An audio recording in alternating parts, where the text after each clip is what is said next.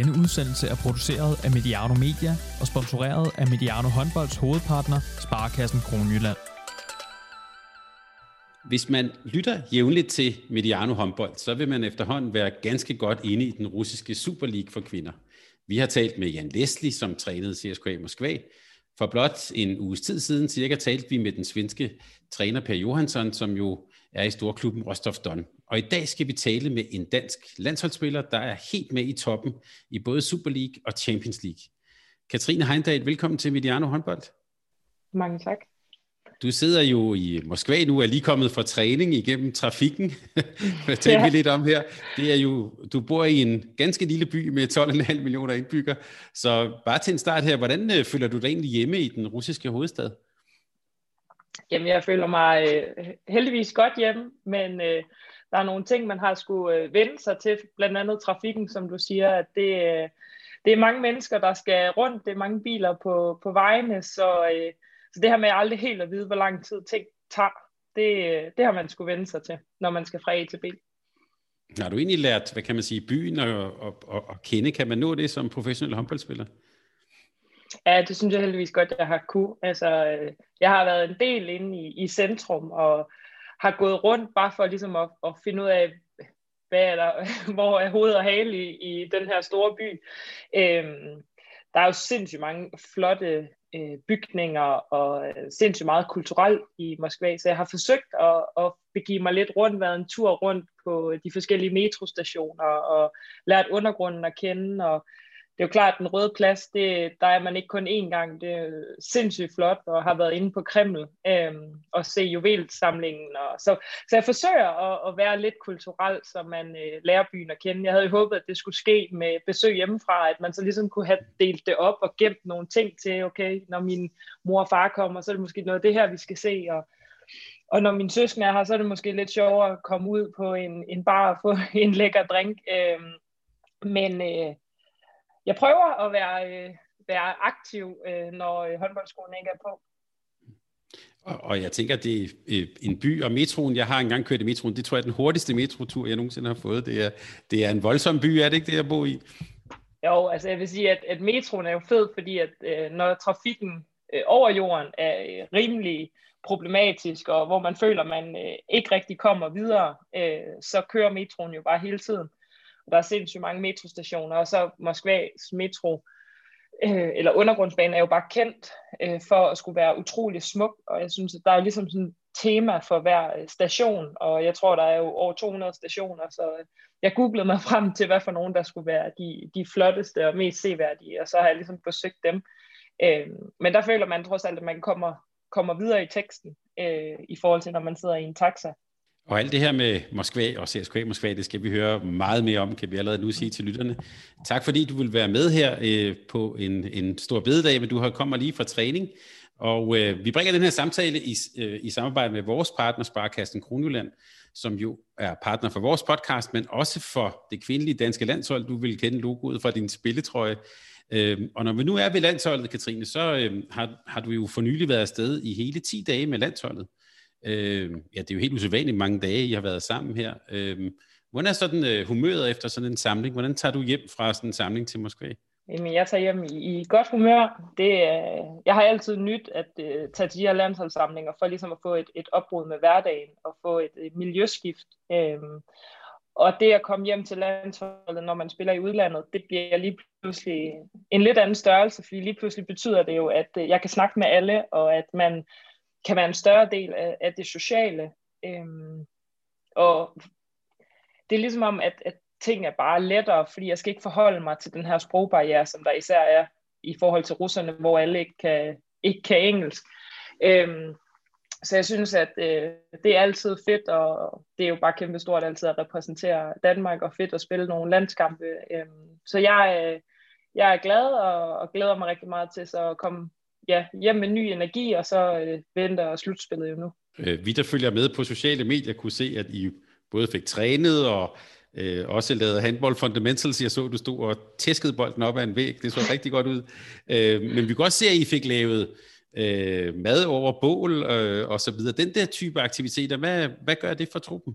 Jamen, jeg synes, det gør meget, at det ikke kun handler om håndbold. Når man ikke er samlet så meget, så er det jo klart, at vi vil jo håndboldmæssigt gerne have alt det ud af det, vi overhovedet kan få, og få en hel masse træninger i, i benet. Det er jo det, du tit snakker om, at det er svært med landshold, for du har ikke ret mange samlingsdage, og du vil gerne have meget ud af det, men folk er også presset i forhold til program i klubberne. Og... Men det, at der ligesom var 10 dage, gjorde jo, at der var øh, lidt mere plads til noget, noget socialt, og vi har jo haft en del udskiftning i truppen, både øh, folk, der ikke længere repræsenterer landsholdet, men også øh, graviditeter, så, så vi har jo mange øh, nyere ansigter, som ikke øh, har så mange landskampe og så mange samlinger i benene. Så, så jeg synes, at det gør rigtig meget for det sociale, at der ligesom bliver lidt større frirum for at, at lære nogle af dem, man, man ikke kender så godt.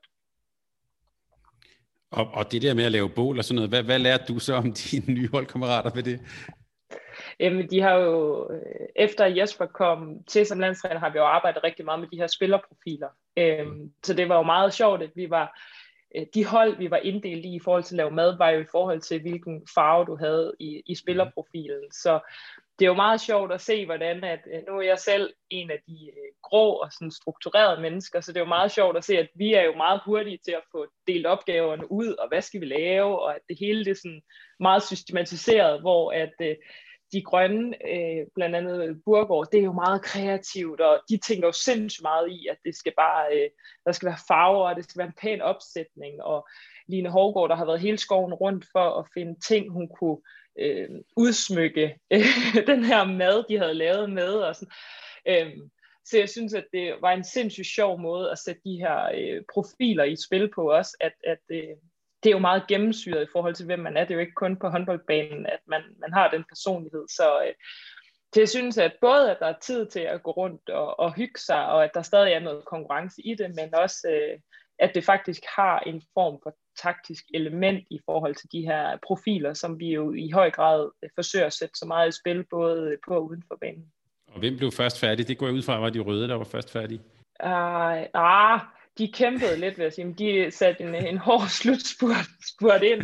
Men øh, at de, altså, mit hold grå, vi var jo selvfølgelig klar øh, på minuttet. Øh, så struktureret var vi jo, men ej, der blev lavet mad, og det blev, blev serveret til, til tiden. Øh, og ja, så er det jo bare, vi havde, det var sådan, man spillede om, hvilke råvarer man havde, så det var jo bare sjovt at se, hvad, hvad folks kreativitet ligesom kunne, øh, kunne få frem i forhold til, hvilke retter, der blev serveret. Stærkt. Vi kan sige til lytterne, at hvis man er mere interesseret i det her, så har uh, Ulrik Vilbæk, jeg tror faktisk noget af det ligger på YouTube, hvor han fortæller om, hvad han gjorde lidt det samme med det danske herrelandshold i den gang. Uh, og for, der fortæller han blandt andet om, at han satte uh, din gruppe, De Grå, til at spille minigolf uden regler. Uh, og man kan, man, man, kan selv lige, man kan selv lige lytte til, hvad der så skete, men det, ja, det var jo helt umuligt for dem at spille. Ja, så ja. godt, så der var noget læring der. I har jo faktisk også spillet håndboldkampe. Uh, to ja. kampe mod øh, øh, Spanien. Hvad, hvad fortalte de to kampe der? Jamen, det er jo altid sjovt at møde nogen, som vi ikke har mødt ret mange gange. Nu mødte vi dem til, til mesterskabet, men ellers så, øh, ja, så, kan jeg faktisk, så tror jeg nærmest ikke, at jeg har spillet en kamp mod Spanien i den tid, hvor jeg har været fast med omkring landsholdet. Så det, det er en helt anden spillestil, øh, spanierne har, en lidt anden tilgang til håndbold, så det er nogle mega fede kampe at få lov til at spille, både for at få større kendskab til dem, men også at vi har jo typisk mødt øh, Norge og Frankrig øh, 400 gange hvert, hvert år, føles det næsten som. Ikke?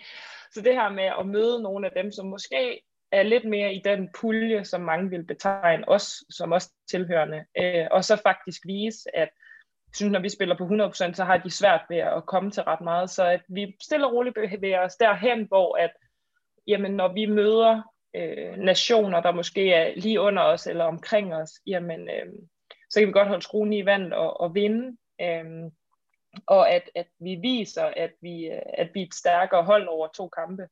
Øh, selvom at vi mangler nogen, det, det synes jeg tegner rigtig godt, sådan så at vi fremover til mesterskaberne måske kan have lidt mere ro omkring, at der er nogle kampe, vi forventer at vinde, og også ved, at jamen, dem vinder vi så også. Så jeg synes, at, øh, at det gør meget, at det ikke altid kun er fra, øh, fra toppen af poppen, man, man spiller, mm. men at vi får nogle af de her erfaringer, og det er jo altid fedt at vinde, og det giver selvtillid. Så, så jeg synes, at det var øh, to fede kampe, to vigtige kampe, men, men jeg synes, at det giver den ro, som jeg lidt følte, vi også havde til mesterskabet med, at at når vi spiller det, vi kan, så er vi rigtig gode, og så skal vi også nok slå dem, vi forventer at slå. Jeg tænker også, nu nævner du jo Norge og Frankrig, at har spillet mange kampe mod dem. Altså betyder det også noget at vinde, så, øh, for eksempel som I gjorde mod Spanien? Ja, det synes jeg klart. Det er altid fedt at vinde, og der er bare altid lidt bedre stemning. Musikken er lidt højere i omklædningsrummet mm. øh, efter kamp. Øh, der er en fed energi i truppen omkring, at man går hele tiden og prøver at justere nogle, nogle ting til, og apropos de her øh, spillerprofiler, så har vi jo en rød gruppe, hvor at temperament er en stor del af det, så hvis man taber kampene, så bruger vi også måske lidt tid på, at de skal ligesom lige komme videre fra kampen, hvor at når vi vinder, jamen, så er det bare så meget lettere at snakke om små detaljer, og hvad kunne vi øh, gøre anderledes, og hvad virkede, og så, så er der ligesom ikke den der barriere af øh, skuffet, øh, skuffethed, som, som man lige skal over, inden vi øh, kan komme videre til detaljerne. Man kan selvfølgelig sige, at mit spørgsmål om det er vigtigt at vinde, er jo selvfølgelig fjollet, når vi taler elitesport her, men, ja. men, men, men jeg tænker også på, at altså, inden, øh, inden EM-slutrunden spillede jo, hvad mange nok vil sige, var to rigtig flotte kampe mod Norge, og tabte til sidst, ikke? Altså, så, altså, øh, men, men spillemæssigt var det jo to rigtig, rigtig fine kampe, men er det, er det også, går man også, også lidt skuffet derfra alligevel, selvom man I faktisk har gjort en rigtig god indsats? Ja, det synes jeg.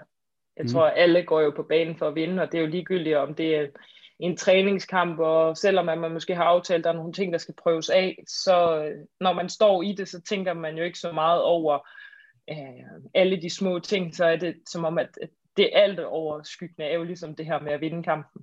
Øh, og det tror jeg jo, det der definerer elitesport, og hvorfor at vi er øh, nået, hvor til vi er, det er jo den der iver for, og den der lyst til altid at, at vinde, og så er det næsten ligegyldigt, hvor meget der er på spil. Øhm, så, øhm, så ja, jeg synes, at når man så spiller mod Norge og spiller to gode kampe, så bliver skuffelsen næsten større, fordi at vi vidste jo alle sammen godt, at, at Norge bliver betegnet måske som en, en, et niveau over os sådan, øh, generelt set.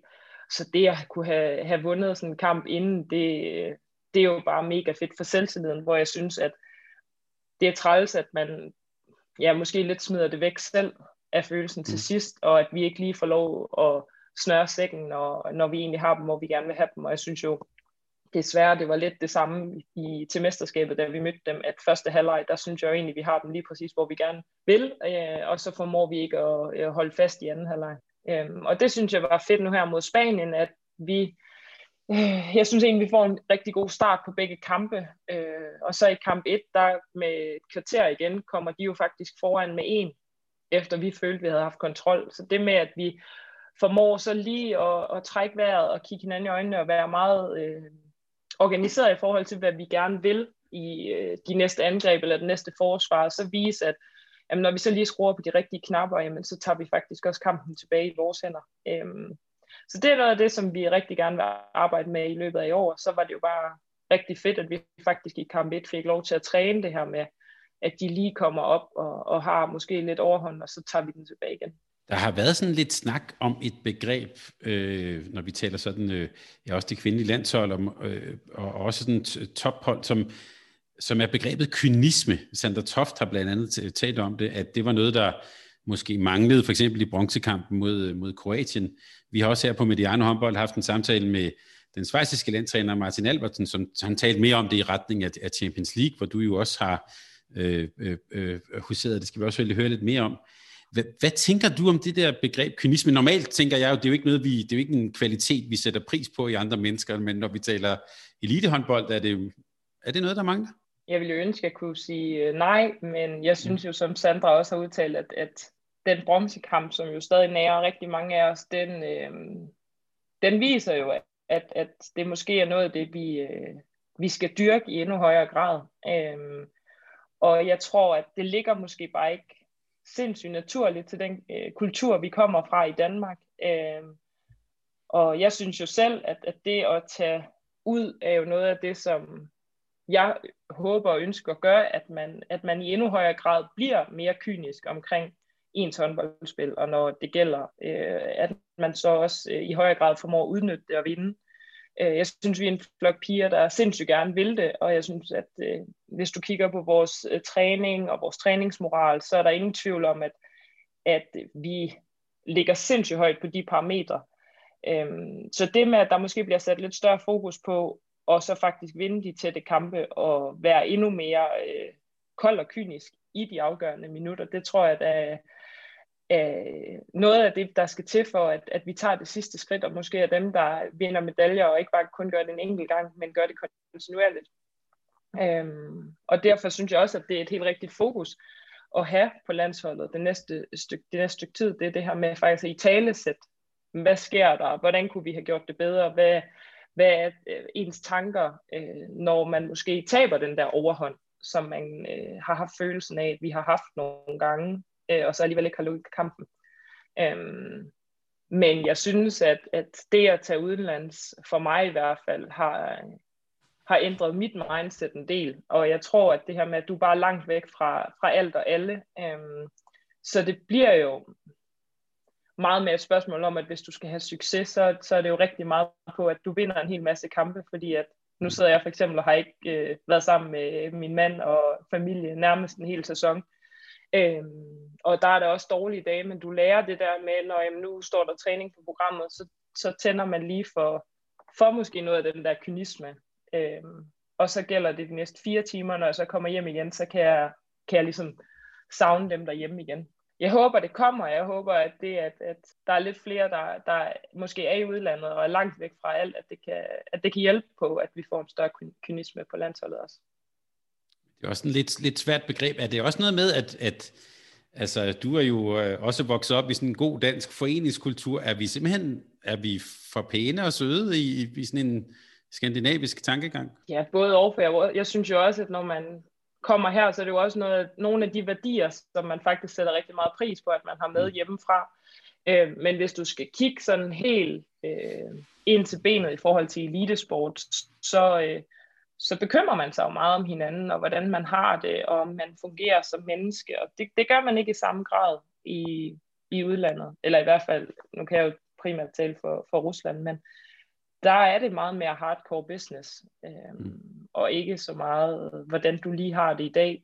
Men det, der er bare en forventning om, at du altid vinder. Og det, selv når vi spiller mod Rostovs, jamen så bliver der også i talesat, at de forventer, at vi vinder den kamp. Og vi er en klub, der har eksisteret i øh, to sæsoner nu, øh, og de har været en del af tophåndbold i Europa i mange sæsoner.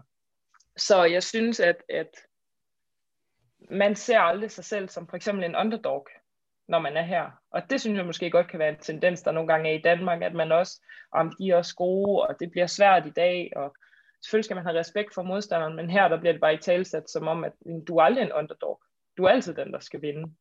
Øhm, så jeg tror også, at der er noget i forhold til tilgangen, at det behøver ikke at være fordi, at vi skal være øh, helt vildt østeuropæiske i vores øh, tilgang til det i Danmark, men jeg tror noget af det her med, at der bare er en forventning om, at du vinder alt, og det er bare et, et kendt pres, der er, øhm, og at, at du aldrig, du udtaler dig aldrig som om, at jamen, de andre er også gode, så det bliver svært i dag, måske vi ikke vinder vi kan sige til lytterne, at i vores samtale her for nylig med Per Johansson, det er også sådan, det er i Rostov Don, var han meget tydelig omkring. Så, så, så øhm, ja, han, han så frem til en finale mod jer jo. Det, det, det var han også meget tydelig med. Jamen, det håber jeg også meget, det bliver. det var ligesom, det, det er der ligesom lagt lidt i, lidt, lidt i kortene. I skal lige spille om det først, men øh, ja, det var i hvert fald hans forventning. Men hvad er det i øvrigt for en, øh, for en liga og, og, og en klub, du er kommet til i, i Moskva? Mm, jamen, ligaen er, der er 12 hold, og jeg vil sige, at top 5-6 stykker er, er gode hold. Øh, bunden er, er dårligere end det, jeg synes, du oplever i den danske liga. Øh, men det giver jo nogle fordele i forhold til, når man rigtig gerne vil satse på kampene, der også er uden for landets grænser, at jamen, der er nogle perioder, hvor der er mulighed for, at det er Champions League, der har øh, hovedfokus. Øhm, og at vi var jo, da vi startede, var vi jo en trup på 18-20 spillere, så det gjorde jo, at man kunne også lave udskiftninger i forhold til, hvilke kampe øh, der var på programmet. Så jeg har jo spillet mange færre minutter i år, end jeg øh, gjorde, øh, da jeg spillede i den danske liga, både øh, for Randers og for Odense. Øhm, og det synes jeg jo har passet mig fint i forhold til, at man, man bliver også ældre, og man kan tilpasse mere i forhold til både landshold, men også alle de her topkampe i den russiske liga. Øhm, så synes jeg, der er et meget større individuelt fokus i Rusland, end, øh, end der er i Danmark. Øhm, der er jo ingen tvivl om, at for russiske spillere, så er landsholdet er jo det ypperste, og i, i Rusland har man jo ikke tanker om så meget andet end håndbold. Øh, de synes jo måske, at det er lidt mærkeligt, at jeg sidder og, og har et firma, og jeg har taget mig en uddannelse, fordi for dem så er der er håndbold jo alt eller intet. Når i Danmark er det måske mere, du skal være det hele menneske, og hvad har du lyst til, og, og der bliver altid lagt meget vægt på, at, at det er vigtigt at få sig en uddannelse, øh, hvor håndbold er jo ligesom deres uddannelse. Øh, så du kan godt mærke, at det er et, et noget større individuelt fokus, der er øh, i ligaen, og jeg tror også, at det er derfor, at du oplever, at bundholdene er dårligere, end det er i den danske liga, fordi at, at de jo også spiller meget individuelt, og der, deres individuelle kompetencer rækker bare ikke langt nok, når de så møder os og Rostov, for eksempel. Og hvordan oplever du så, at du sagde, at du spillede færre minutter, hvordan oplever du sådan belastningen på kroppen? Der er til gengæld jo flere, mange flere rejsedage og lange rejse, øh, mange rejser. Hvordan, hvordan har sådan en belastning været for dig? Jamen, altså januar og februar, jeg har aldrig følt mig så meget som en, en zombie, som jeg gjorde i de måneder. Altså, der, jeg sov jo næsten ikke i min egen seng, og alle udebaneture er jo tre dage, så det er jo nærmest en øh, uh, IHF Cup-tur, hver gang vi spiller på udebane. Øhm, jamen, jeg, jeg, jeg synes faktisk næsten, det var fuldstændig forfærdeligt der i januar og februar, for jeg havde faktisk følelsen af, okay, hvis jeg bare ligger mig, og så sover et par timer nu her over, over middag, så, øh, så er dagen det kortere bagefter. Altså det var et, et sindssygt hårdt program, og det var ikke fordi, at jeg synes, at man var smadret, fordi man trænede hårdt, eller fordi at man spillede mange kampe. Det var den her altså rejsetid. Man skal i Danmark, der skal man sætte pris på, at, øh, at en udebanetur, det er et endagsprojekt, og man kommer hjem i sin egen seng. Øh, vi har været utrolig privilegeret at have privatfly til alle vores Champions League-kampe, så det har jo gjort, at vi tager afsted dagen inden kamp, og så efter kamp går vi direkte i omklædningsrummet, øh, går i bad, og så sætter vi os i en bus til lufthavnen og flyver direkte hjem. Så Champions League-turene har nærmest været kortere end vores øh, udebaneture i den russiske liga, hvor vi flyver med rutefly. Øh, det har været en kæmpe om, omvæltning at, at vende sig til, at der er så langt. Øh, men jeg synes, at det har været, at det er mega fedt at prøve, og det sætter jo bare, ja, det sætter tankerne lidt i gang i forhold til, hvordan energien ligesom blev brugt, da man var i Danmark, men også hvordan energien bliver brugt nu. Øh, hvordan lader du op restitution? Øh, fordi at det bare det er noget helt andet. Og jo en særlig, også historisk klub, du er kommet til, hvor øh, så vidt jeg har forstået, er der kan der også nogle gange nu, I har jo tilskuere nu, der kan jo godt komme mm. fans også, når I er på udebane i altså flere tusind kilometer væk fra Moskva. Øh, hvad, hvad, er det, hvad er det for en, for, en, øh, for en klub og kultur, du er trådt ind i der? Jamen, CSKA Moskva er jo ligesom sådan en stor paraply, og så er der jo ligesom alle de her sportsgrene under, og håndboldklubben er jo egentlig først startet øh, sommeren 19, øh, så vi har jo ikke ret meget øh, historik, men i og med, at basket, ishockey, fodbold jo er de helt store trækplaster i det her CSKA Moskva-regi, så, øh, så kommer der jo personer i hallen, uanset hvor vi nærmest er, i øh, ja, fantøj, halsterklæder, kasket, mm. øhm, for at hæppe på CSKA. Så det er jo den her fankultur, man måske også kender fra andre østeuropæiske lande, hvor at, at du ligesom ja, du bliver en del af, af et sammenhold, og du holder med den her specifikke klub, og så er det faktisk næsten ligegyldigt, om det er øh, fodbold, basket eller ishockey eller håndbold, du tager ind til, så, så er du ligesom trofast fan til det. Øh, skaber stemning, trommer. Øh,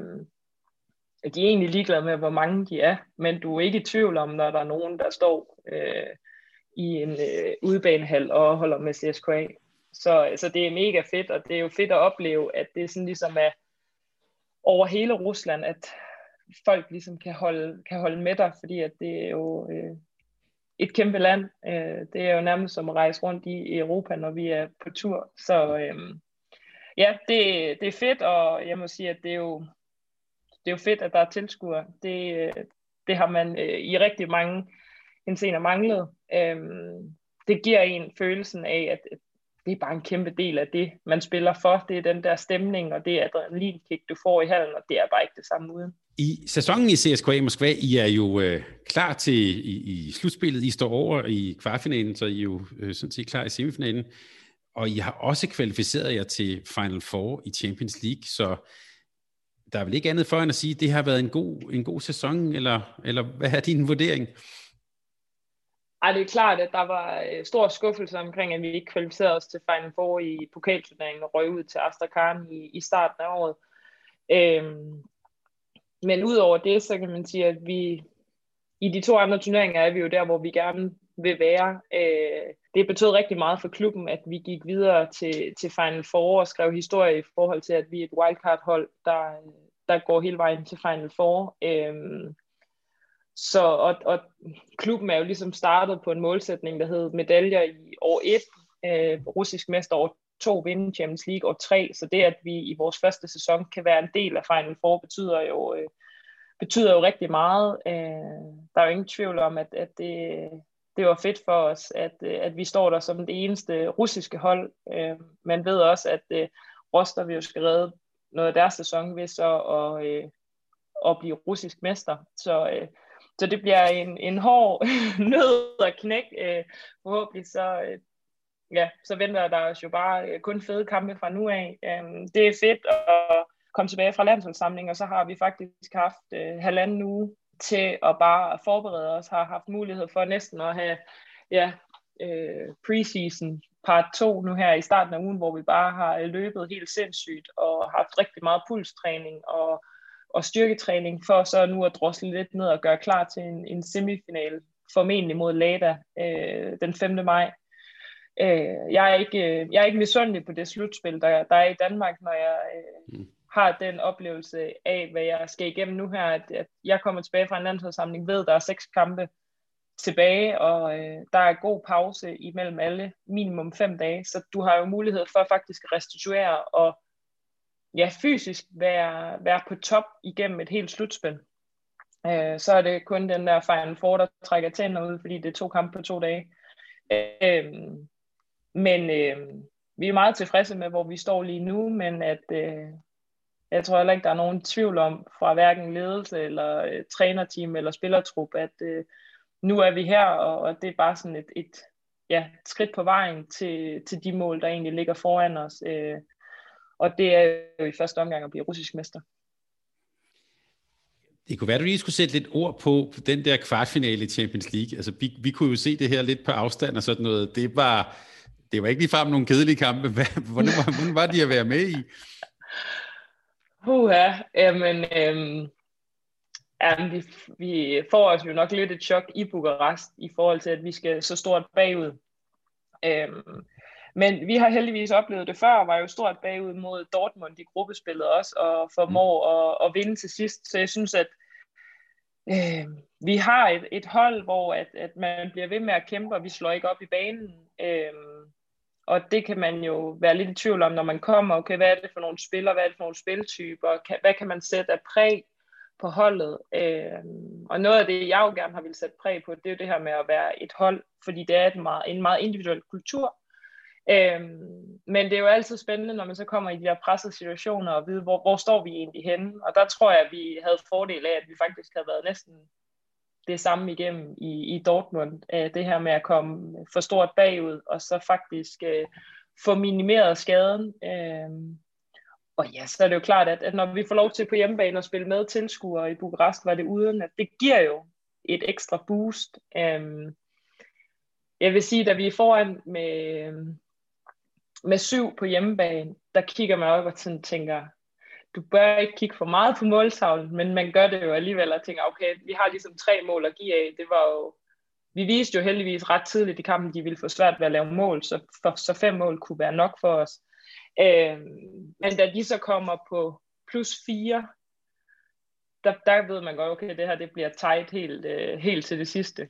Ja, men det er, jo, det er jo bare mega fedt at spille sådan nogle kampe, og det gør det jo endnu federe, at det går ens vej, øh, og at man så øh, vinder på den måde. Det, det bliver jo både seværdigt og meget nervepirrende at spille, men, øh, men ja, det, det er bare de kampe, som du lever under for. Det er derfor, at man offrer det, man gør. Det er derfor, jeg sidder i, i Moskva og er langt væk fra alle, selvom der er corona, og, og det måske ikke er den helt optimale situation, så, øh, ja, så er det bare mega fedt. Ja, vi kan sige til lytterne, at det blev jo så samlet 51-51, og I gik videre på reglen om, om udebanemål. Og jeg stod lige op her, mens du... Uh, Niago fik alligevel scoret ni mål i, i, i, i, i kamp nummer to, så med mindst mulig marken. ja. øhm, men I skal jo så se frem til i, øh, i slutningen af maj, der er det jo så Final Four i Budapest, og øh, der træk I øh, Vipers, norske Vipers, øh, Christianstad. Jeg vil være fræk at spørge, var det en heldig lodtrækning? Altså, jeg, jeg er ganske fint tilfreds med, at det bliver Vibers. Øh, vi har ikke øh, mødt Vibers endnu. Øh, de kommer jo, har ikke ret mange kampe i benene. Øh, så må man jo se, om det er en fordel eller en ulempe. Øh, Gjør har bare stået i den her situation rigtig mange gange. Øh, så på den måde, så kan man sige, at, at hvis man kunne undgå dem i semifinalen, så, øh, så var det måske det, man håbede med. Og Brist, synes jeg, vi har haft det øh, haft det fint med i de to kampe, vi har mødt dem. Øh, så er det jo bare sjovt at møde nogle andre, at man ikke skal bruge den samme taktik måske, som man har brugt i de, øh, i de fire kampe mod Gjør Brest. Øh, så jeg er fint tilfreds, men uanset hvad, så skal du kunne slå alle, hvis du vil stå med trofæet. Så, øh, så ja, det bliver en kamp ad gangen, det, det klassiske svar, mm. og så, øh, ja, i første omgang, så håber jeg, at vi kan, vi kan slå Vibers, og så øh, må vi tage derfra. Ja, for når jeg lige kigger også øh, og, og, og, og på dine holdkammerater, man kan jo sige, på en måde er det jo både et urutineret, men alligevel også lidt rutineret. Altså, jeg ved ikke, hvordan tænker du på det der med rutinen? Det er klart gør, at de har jo stået der rigtig mange gange, og det er praktisk talt en hjemmebane for dem. Øhm, hvordan ser du sådan, altså jeg tænker sådan hele rutinespørgsmålet, øh, to tætte kampe på, på to dage. Hvor, hvor står I der og jeres hold? Jamen, jeg føler faktisk, at vi står godt.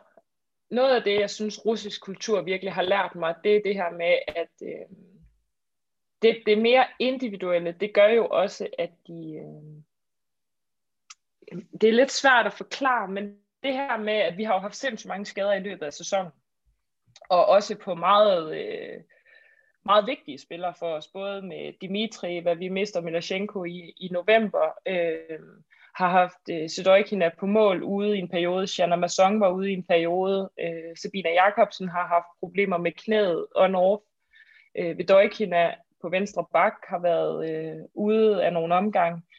Øh, men der viser det her med, at i Rusland, der øh, du har sådan den her evne til, at nu er det min tur, nu er det my time to shine. Så de er i princippet ligeglade med, hvem der, altså så er det bare min tur til at vise, hvad jeg kan. Hvor at jeg måske synes, at i Danmark kan der godt være lidt med, at jeg har heller ikke helt spillet ind, eller man har måske ikke selvtillid, fordi man ikke har spillet så mange minutter. Øhm, men man, øh, jeg ved ikke, om der er sådan en form for tvivl, eller om man, man føler i hvert fald, at man skal spille lidt mere ind i spillet, for at kunne præstere, hvor at i Rusland, der, øh, ja, der tager de jo bare skeen i hånden, så begynder de bare at grave. Altså, mm. man, man har en anden, det, det, nu er det min tur til at blive set, det her med, at landsholdet betyder alt for dem, det, øh, det kan man virkelig se, og derfor har vi jo også vundet sindssygt mange kampe, selvom at vi har haft mange skader. Øhm, og det er jo noget af det, jeg håber, at, at man også kan se til Final Four, det er, at de er egentlig rimelig ligeglade med, hvad der bliver sagt eller gjort, eller hvem vi har med, hvem vi ikke har med det, det er et spørgsmål om, at, om at præstere og vinde, blive set. Øhm, så det synes jeg jo er mega fedt at opleve, og fedt at, at jeg står ved siden af nogen, hvor det bare er sådan, jamen så går jeg bare ind, og så gør jeg bare øh, det bedste, jeg har lært. Så må det bære eller brist. Så, ja. så selvom at vi måske både, altså Dimitri er jo kun 25, så det er jo ikke fordi, du kan sige, at hun er en øh, rutineret øh, øh gammel rev i det her spil men øh, hun har den der kynisme og coolness, og bare sådan, giv mig bolden, så skal jeg nok afgøre det. Hun er ikke bleg for at fortælle, øh, du skal derhen, du skal gøre det, du skal... Øh, så, så jeg føler, at det er et urutineret hold i forhold til, at vi har ikke mange, der har stået i Final Four, men i forhold til deres mentalitet, så, øh, så føler jeg ikke, at vi er øh, urutineret, selvom at vi også har en del spillere, der jo ikke er på den anden side af 25 det bliver i hvert fald, vi siger til lytterne, det bliver rigtig, rigtig spændende at, at, ja. at følge. Jeg skal også lige spørge dig om, da du startede sæsonen ud, der havde du faktisk ingen, du kunne tale dansk med, nemlig Jan Leslie, øh, som jo øh, ja, undervejs og vil sådan som vi kunne forstå efter pokalkampen jo, øh, så var han færdig i CSKA Moskva. Hvordan har det påvirket jeres sæson? Er, det, er kulturen bare, så er man bare videre? Ja, og det tror jeg egentlig håndboldverdenen generelt er. Øh, nu mm. har jeg også prøvet et, et par fyringer i, i min tid i Danmark. Øh, og det er jo bare, the show must go on. Øh, mm. Der er, venter bare en ny kamp, og der forventes der stadigvæk, at du vinder. Øh, så jeg vil sige, at øh, for mig personligt, så øh, betød Jan jo selvfølgelig meget for mit skifte hertil, øh, men jeg synes også, at jeg har været meget realistisk omkring, at øh, det kan nogle gange gå hurtigt, øh, når du er uden for de danske grænser i forhold til en, en fyring, så jeg synes, at jeg havde forberedt mig på, at det kunne jo ske, øh, og det kunne ske, at jeg stod, og det så lige pludselig var en, en anden østeuropæisk træner, nu har vi Olga, som er russer, øh, at, at så må det bare ligesom være en del af oplevelsen, øh, og den erfaring, som jeg kan, kan tage med mig videre. Øh, så jeg synes jo ikke, at det, det har jo ikke øh, ødelagt vores sæson, men det er jo klart, at, at der kommer nogle nye øjne på tingene, og nogle nye øh, tilgang til, til træning, og hvordan vi skal spille, og det forsøger man jo så bare hurtigst muligt at adaptere til.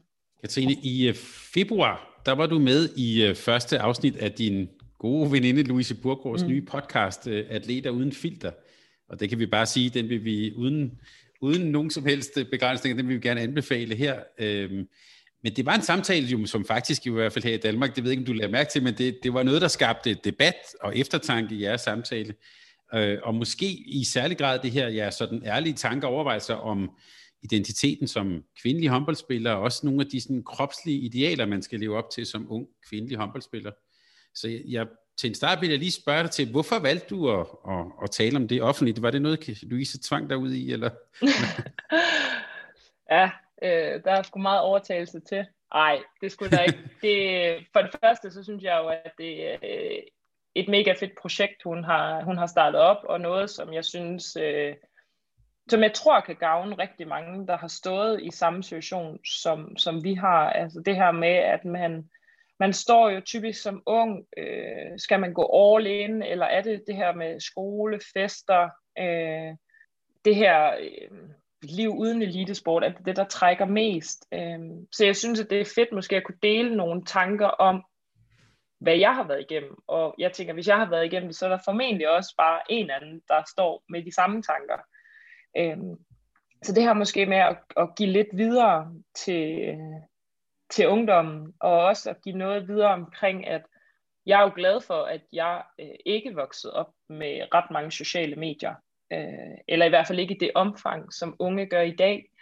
Og det her med at blive bombarderet med så mange øh, indtryk hele tiden, og meget omkring, hvordan skal du spise, hvordan skal du se ud, øh, lave fedtprocenter, øh, crazy træning, øh, der er rigtig mange ting at forholde sig til, og måske at fortælle, at, at jamen, jeg har måske ikke været den åbenlyse atlet i forhold til mine øh, testresultater, eller hvordan min øh, altså sammensætning, musk- muskler og, og fedt har været. Øh, men at jeg har troet på, at, at jeg kunne tilbyde noget, som ikke ret mange andre stregspillere kunne i Danmark, fordi jeg har den størrelse, jeg har, og så faktisk kunne se ting som noget positivt, i stedet for altid at skulle lede efter fejl, eller altid prøve at ligne andre. For jeg tror jo faktisk, at noget af det, som vi især mangler i dansk håndbold, det er jo flere, der måske stikker lidt ud, og flere, der øh, har nogle spidskompetencer, som andre ikke har. Og der har jeg jo bare, ja, jeg har troet meget på, at der var brug for en, en stor, stærk stregspiller, som måske ikke er den hurtigste, og aldrig bliver den hurtigste, men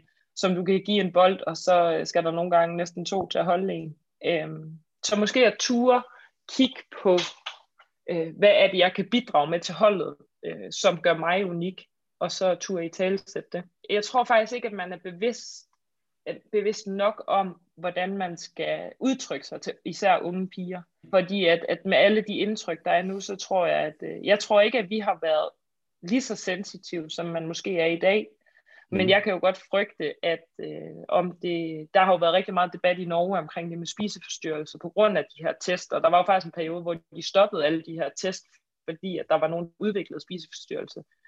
Ja. Øhm, så jeg tror, at øh, jeg tror, at, at ungdommen er blevet mere sensitiv i forhold til, hvis man hører, at du bør tabe et par kilo, eller jeg tror hurtigt, man kan komme til at kigge i retning af, når det er sådan her, jeg skal se ud. Der tror jeg ikke, at man har haft ret meget øh, omkring det med at tale til unge mennesker med alle de øh, inputs, der kommer fra den sociale verden. Så det kan Nej, bare hurtigt blive nogle, nogle farlige snakke, man har med meget unge piger, fordi der er jo ikke nogen det, altså du sidder der jo alene. Du, du har jo ikke din mor og far, som sidder ved siden af, eller nogen, som sådan, det, du sidder jo alene, og så bliver du evalueret på det her. Det er da, det er da hårdt øh, at sidde og få konkret at vide, at du er dårlig til det her, og du er dårlig til det her. Øhm, mm. Og det tror jeg bare bliver endnu værre, jo mere der ligesom er i gang i de sociale medier. Det værste vil jo være, hvis der faktisk er piger og drenge, der begynder at sy- altså de synes, at håndbold er det fedeste i hele verden, men at sådan nogle dage faktisk ødelægger deres lyst til det, fordi mm. de ikke vil måles og vejes, men de vil bare gerne have det sjovt med en håndbold. Og det er jo det, hvor at jeg tænker, at i Rusland for eksempel, der er sgu ikke noget, der hedder, øh, altså styrketræning, det er de ikke ret gode til. Mm. Altså det, det er sgu ikke det, de går op i. Men de har så spillet håndbold to gange om dagen, siden de var 10. Øh, hvor at, da jeg var 10, så spillede jeg håndbold tirsdag og torsdag, og havde måske en kamp om søndagen. Ikke? Mm. Og der havde de altså øh, to træninger hver dag, seks dage om ugen. Mm. Øhm, så jeg, jeg synes også, at det er lidt der med, at, at det skal være øh, glæden for leg med bold, der skal være det overskyggende. Øh, for det fysiske, det skal man nok komme efter. Altså jeg synes, at jeg har klaret det meget godt af, det var først, da jeg måske var 3-24, at jeg fandt ud af, hvordan jeg fysisk skulle skulle være i forhold til sammensætning. Og nu står jeg der og er i en topklub og har været med på det danske land så lang tid. Så, så det er jo, nogle gange så tror jeg også, at der skal være lidt, lidt anerkendelse om, at du finder jo ikke din identitet som 15-årig, eller som 17-årig, eller som 18-årig. Det er jo først i 20'erne, det sker. Jeg, jeg tror, at, at øh, de seneste år, jeg tror, I har været med til at ændre på noget. Altså det der med, øh, også din sådan, øh, hvad kan man sige, udstråling, eller det kan være øh, i Sarah Iversen og sådan noget, det der med også i de interviews, det der, vi skal ud og smadre dem, vi skal ud og slå på mm. munden mm. og sådan noget. Altså, øh, det er en anden måde at høre kvinder tale om, om og det er jo altså om, om sporten her på, og det synes jeg bare, der er noget befriende ved. Altså, at man ja. godt kan, kan slås og svede, og, altså, altså man, og, og man behøver ikke at, at, at se stejlet ud og sådan noget. Altså, det, altså, der er også noget styrke i det der, men det, det, det synes jeg er ret vigtigt i sådan en også tid med sociale medier og sådan noget. Det, det, skal ikke være, det er svært at være picture perfect i elitesport, fordi du, øh, ja, du er træt, og du, øh, ja, det, altså det, der er jo mange grimme billeder også, altså hvor at man tænker, ej, ser jeg sådan ud, når jeg spiller, eller sådan, altså det, mm. der er jo ikke noget fotomodel over det, vel? Så det der med at kunne vise, at, at langt hen ad vejen, så er det jo bare fedt, at du spiller med følelser, i stedet for at det skal se perfekt ud. Men du nævner det selv, noget af det, I, I også taler om, det er det her med de her sådan testdage på ungdomslandsholdet. Testdage er ikke ligefrem mm. festdag, tror jeg, du sagde. øhm, øh, men jeg tænker, da jeg hørte det, så tænkte jeg, hvis man nu har været landstræner der, så har man sikkert tænkt, øh, jamen vi gør det her for at hjælpe, vejlede, øh, altså i, de, de er sikkert blevet foretaget i den bedste mening, tror jeg. Men det er jo ikke sådan, men, men det var ikke sådan, I opfattede det? Eller hvad, hvad var det for en oplevelse at være til, til nogle af de her dage? Men jeg tror, at for mig, der var det jo meget det her med, at, at jamen for eksempel det at hænge rigtig meget ud med sådan en som Louise Burgaard, der jo er måske et fysisk øh, praksikeksemplar, og øh, jo nærmest kunne springe skalaen i de værste test, og hun løb hurtigt, hun hoppede højt, hun løb godt på øh, ildoptagelsestesten, og jeg havde jo aldrig rigtig nogle gode resultater, synes jeg, at vise. Øhm, og, og alligevel så var jeg jo øh, fast mand på ungdomslandsholdet. Jeg startede inden, var førstevalg, øh, var anfører. Så jeg tror, at, at jeg vidste jo, jeg gjorde jo mange ting rigtigt, men jeg følte jo ikke, at der var ret mange tests, der kunne vise mig, hvad er det egentlig, jeg er god til så tit så blev det jo at gå derfra med et nederlag med, og jeg er stadig dårlig til at løbe, jeg er stadig dårlig til at hoppe, jeg er stadig dårlig til at løbe hurtigt.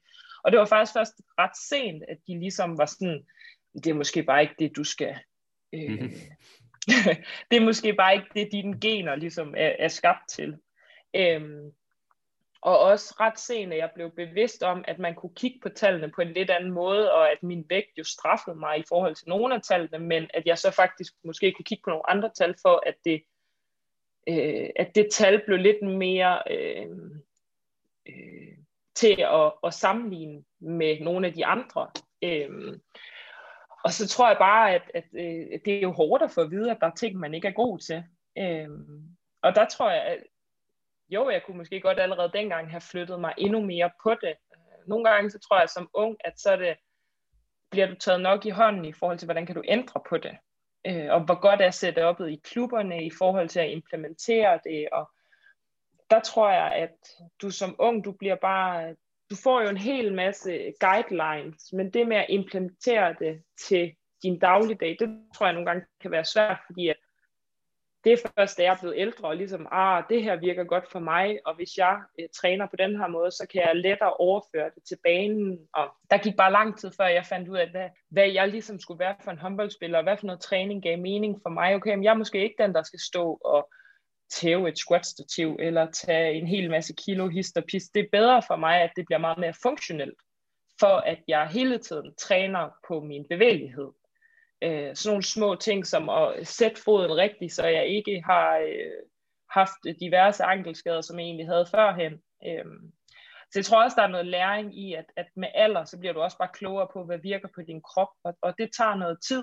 Øhm, men, men nej, øh, testdage var ikke altid festdage, og det, øh, jeg har lært at, at kigge mere positivt på det. Øhm, men det er ikke sådan, jeg synes, at det er de fedeste dage. Altså, jeg vil hellere bare have en, have en bold i hånden, og så vide, at, at, øh, det er nok der, jeg har mine spidskompetencer. I, I nævner også det her, den her, jeg har sagt næsten øh, sådan øh, berygtede, berømte øh, uh, time-out for nogle år siden, hvor Christian Christensen uh, i Hanning Ika siger om dig, man kan ikke stå, han råber det meget højt, man kan ikke stå og slås med, med en bjørn.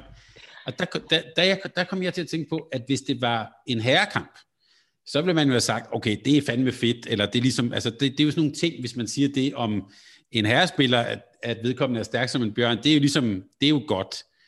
Men er det med en kvinde, er det vel, så begynder det at blive lidt mærke, eller i hvert fald, så er det ikke nødvendigvis sådan nogle, nogle ting, vi normalt vil sige om, om, om en kvinde. Er det handler det også om, hvordan vi kigger på ja, kvindelige håndboldspillere og, og deres størrelse og det, de kan? Er det også, er det også en helt sprog i måden, vi talsætter det på? Jeg vil sige, at jeg, jo, øh, jeg har jo taget det heldigvis positivt, at han øh, mm. kaldte, det, kaldte mig en bjørn, og at... Øh, nu var det også i Rusland jo, at, så det... ja, men den, øh, den spillestil, jeg har, så, så gør det mig jo ingenting, at, at det er den øh, holdning, folk har til det. Men det er jo også klart, at der ligger jo også mange år forud for det, hvor det her med, som jeg snakker med Louise om, at skabe en identitet, og hvem er det, jeg vil være, og og også nå til der, hvor du står fast på, jamen prøv at det, jeg vil gerne være hende den store og stærk, og at du så i en slutspilskamp får modstanderens træner til at, øh, at kalde mig en bjørn, og at man ikke skal slås med dem, at det, det er for dumt, for så har man tabt. Øh, mm. Det er jo positivt, men hvis man ikke er nået til den erkendelse, og ikke er nået dertil, hvor at man måske er, tryg eller tilfreds med, jamen det, det, det, som jeg ved, jeg kan, det der, hvor jeg skiller mig ud fra de andre. Så kan det jo være et, et, et hårdt ord og et, et negativt ord, og fordi at, at du måske som kvinde, når jeg er uden for håndboldbanen, så, øh, så gad jeg da måske godt nogle gange, at min lov var lidt mindre, eller min overarm var mindre, eller jeg var lidt mindre bredskuldret. Øh, men lige så snart jeg er på håndboldbanen, så synes jeg jo, det er det fedeste, fordi der ved jeg, at det er der, jeg har øh, mine forser, og det er der, hvor jeg ved, at, at jeg har nogle kvaliteter, som er brugbare både i en, en klub som CSKA Moskva, men også på det danske landshold. Og det vil jeg jo ikke være for uden. Øhm, så jeg tror, at, at for mig så rørte det mig ikke så meget, men det er klart, hvis du ikke er så gammel, og du ikke har fundet fred endnu med, at du måske er lidt større end de andre, så, øh, så tror jeg, det kan være svært at håndtere. Hvor meget har øh, Claus Brun Jørgensen som landstræner, han har jo talt rigtig meget om det her, og, og, og også talt rigtig meget om, at altså den fysiske træning, men også sådan, øh, altså jeg, jeg tror sådan direkte, han, han har sagt sådan noget med, at det er jo fedt at se en kvinde, der øh, at, hvor man kan se øh, biceps og altså tydelige muskler og sådan noget. Altså, jeg opfatter i hvert fald, at han også sådan i det sproglige har forsøgt at ændre lidt på det. Hvordan har det, ja, ja det kan jeg bare spørge dig om, du har jo også haft ham som landstræner. Hvordan har det ændret sig i den tid, hvor, hvor, hvor du har været med? Øh, jamen, der har jo selvfølgelig været et kæmpe fokus på, på det fysiske, og, øh, og at han mente jo, der var behov for, at, at vi flyttede os især på det, på den fysiske del, og jeg synes, at når jeg ser landsholdet i dag, så er det jo, jamen, det er jo helt vildt så hårdt folk de arbejder i, øh, i det fysiske lokale, i styrketræningslokalet og på løbebanen, øh, så det er i hvert fald ikke fysisk, vi mangler ret meget lige nu, men det er klart, at, at han har jo i tale sat, øh, at øh, han, jo flere muskler han kan se, jo bedre er det næsten. Øh, mm. Fordi at han gerne vil have et stærkt hold. Øh, og jeg tror for mig, at, at det har jo været fedt, at han ligesom har haft den her power og den tilgang, han havde, og hans sådan, udstråling og attitude. Øh, for det er jo noget af det, jeg også synes, jeg selv har. At jeg er jo meget udadfarende i min energi på banen, og det, det blev der jo virkelig talt til. Øh, under Claus. Øh, og så tror jeg for mig, at, at det fysiske kom jo virkelig også til udtryk på en anden måde for mig, at det var jo under Claus, at jeg ligesom fik fundet mig 100% i forhold til øh, det her med, at ja, jeg skal være stor og stærk, men der var måske alligevel nogle andre parametre, jeg skulle være lidt skarpere på, for at jeg var fast på landsholdet. Det kom jo rigtig meget til udtryk, da jeg ja, led mit største nederlag ved, at, at han sidde mig fra lige inden VM i 15 på hjemmebane det var ligesom der, at jeg ligesom fik sparket til, okay, nu er du nødt til at sætte dig ned, og så finde ud af, hvad er det faktisk for nogle små skruer, du er nødt til at skrue på, for at, at det ikke kommer til at ske for dig igen. Og det var klart det nederlag, altså sådan, selvom det aldrig er sjovt at lide et nederlag, så, øh, så er det, øh, jamen jeg tror, det, det er det nederlag, jeg kan tilskrive, at jeg for eksempel er her, hvor jeg er i dag, og at jeg har haft så mange år fast på landsholdet, fordi at at det blev meget tydeligt for mig, at det havde jeg ikke lyst til at prøve igen. Øh, og så må man nogle gange ændre nogle ting, og den her selvopfattelse med, at jeg skulle bare være stor og stærk, den fik måske lige en lille nuance, så jeg stadigvæk kunne være stor og stærk, men så jeg blev mere bevægelig, fik omdannet lidt fedt til muskler, og det tror jeg bare sådan, det var en, en sund læringsproces for mig, og den alder, jeg havde, at, at det var den måde, jeg skulle, altså, øhm, ja, at det blev en realitet for mig, hvordan jeg skal være som spiller. Alt det, du fortæller mig her, Katrine, for mig lyder det også som en person, der er mentalt meget stærk. Ja, men jeg synes, det, at, at jeg er nok svær at slå ud af kurs, øhm, og jeg tror, at jeg er meget... Øh, det, det er måske også på grund af min, min grå profil, men at tror jeg prøver at, at strukturere ting, men også prøve at finde en mening med ting. Jeg kan godt lide at øh, tænke over tingene, og okay, hvad gjorde jeg her, for at det virkede for mig, og prøve at reflektere over, øh, de handlinger, eller det, der sker omkring mig, for om jeg kan gøre det til en, en fordel senere hen. Øhm, og jeg tror, man skal have noget mental styrke for at sidde øh, i corona øh, i Rusland og ikke have besøg af nogen, og så faktisk stadigvæk få det bedste ud af det. Og selvom jeg savner helt vildt derhjemme, så stadigvæk faktisk synes, at det er noget af det fedeste og noget af det bedste, jeg nogensinde har gjort. Øh, det, øh, ja, det, jeg tror, at jeg, jeg, jeg har en mental styrke, det tror jeg altid, jeg har haft. Øhm, og, og lysten til at klø på, og der skal meget til at og, øh, få mig til at kaste håndklædet i ringen. Men jeg tænker også det der med at blive sidet fra og, og, og gå glip af sådan en stor oplevelse, at du så bruger det som brænde på bålet, det, det tænker jeg også er et udtryk for mental styrke. Øhm, men øh, her til sidst, så, så øh, Øh, lige, lige lidt tale om, igen om landsholdet. Øh, jeg har jo slået op, at du jo faktisk fik ret tidlig debut på en landshold, helt tilbage i 2010. Øh, men så gik der jo nogle år, før du egentlig blev sådan en fast del af landsholdet. Hvorfor gik der så lang tid?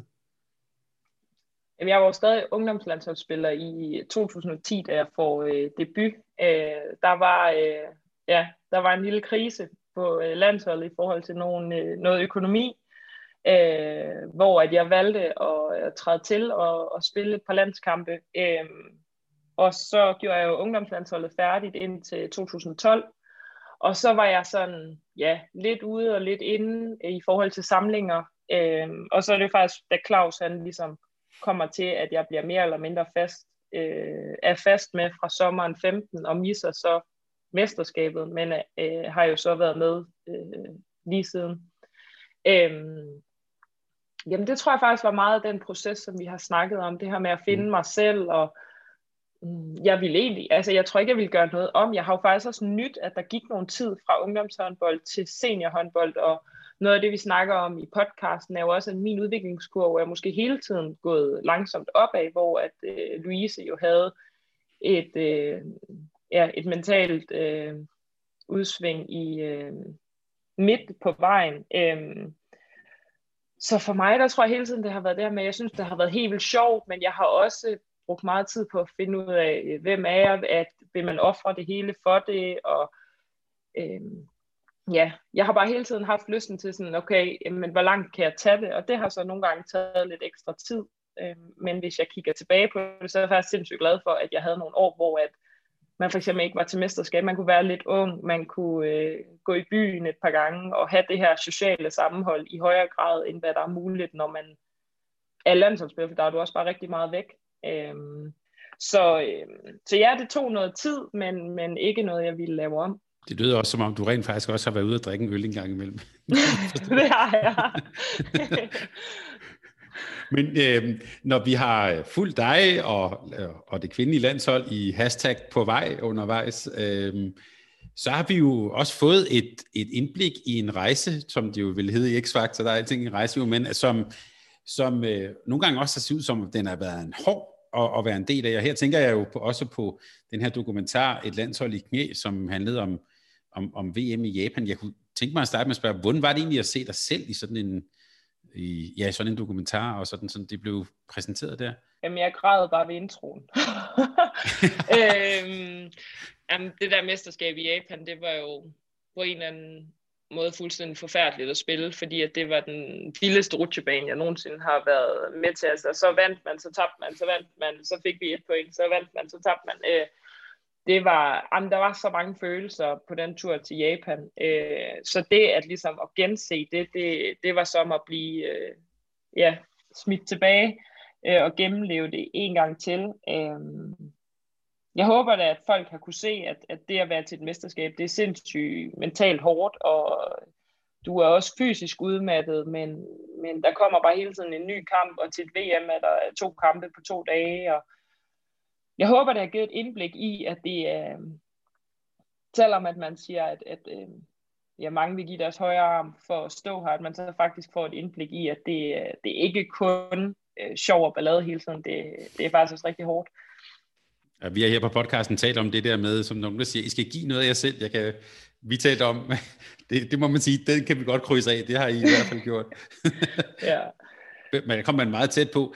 Øh, men øh, hvordan har du så, altså nu, det var så Japan, og så kom I hjem og spillede, I fik ny landstræner og kom, og kom hjem og spillede øh, EM. Hvordan var så den oplevelse, altså den, den seneste øh, slutrunde midt, ja i øvrigt midt i en pandemi i Herning, hvordan mm. var det hele den oplevelse? Jamen, det var jo rigtig godt forløb frem til, til mesterskabet, øh, og jeg synes også, at vi fik, øh, Øh, jeg synes vi har haft godt forsvarsspil øh, de sidste mange turneringer, og rigtig stærke på målmandsposten. Øh, det har måske været mere et spørgsmål om, hvor mange mål har vi kunne lave i, i de enkelte kampe, og det er det, der har været det store spørgsmål. Og der synes jeg, at, at, øh, at Jesper han har fået øh, sat lidt mere øh, struktur måske på nogle ting, og det er lettere for folk at, at falde ind i. Øh, og det synes jeg også kunne ses ved, at vi måske præsterede øh, sådan overall mere... Øh, ja, der, der var ikke så stor udsving øh, i vores præstationer angrebsmæssigt. Øh, så jeg synes, at, at det var godt forløb, men, men når man nu for eksempel røg fra i øh, 2015 øh, og kunne se, at det var en fuld boksen, og man så havde som kæmpe mål, at næste gang der er mesterskab på hjemmebane, der skal jeg stå i boksen, der, der skal jeg ikke være den, der er sidet fra, og man så står der uden tilskuer. Det, det var en lidt flad fornemmelse. Øh, det var ikke det, jeg havde drømt om, og ja, når man nu vidste, det var i Danmark, man kan sige, at Japan var det jo heller ikke, fordi at den var, der var propfyldt med tilskuere, men øh, jeg synes, at det var jo sindssygt stort, at det, at det kunne gennemføres, og at folk overholdt det her med den her boble, man skulle leve i, men, men det at mangle tilskuerne, det gjorde det bare til ja, et noget andet mesterskab, end det man havde drømt om. Og på den grå profil, det var jo tydeligt for alle, at der var jo meget struktur og relativt få åbninger og sådan. Hvis jeg lige skal drille dig lidt, en af de ting, som også var en del af strukturen, det var jo, at man ikke skulle spille stregen, eller hvad? ja, det har jeg også brugt mig lidt til Jesper og Lars om efterfølgende, at at det, jeg, jeg synes også, at jeg er med for en gang imellem at røre bolden.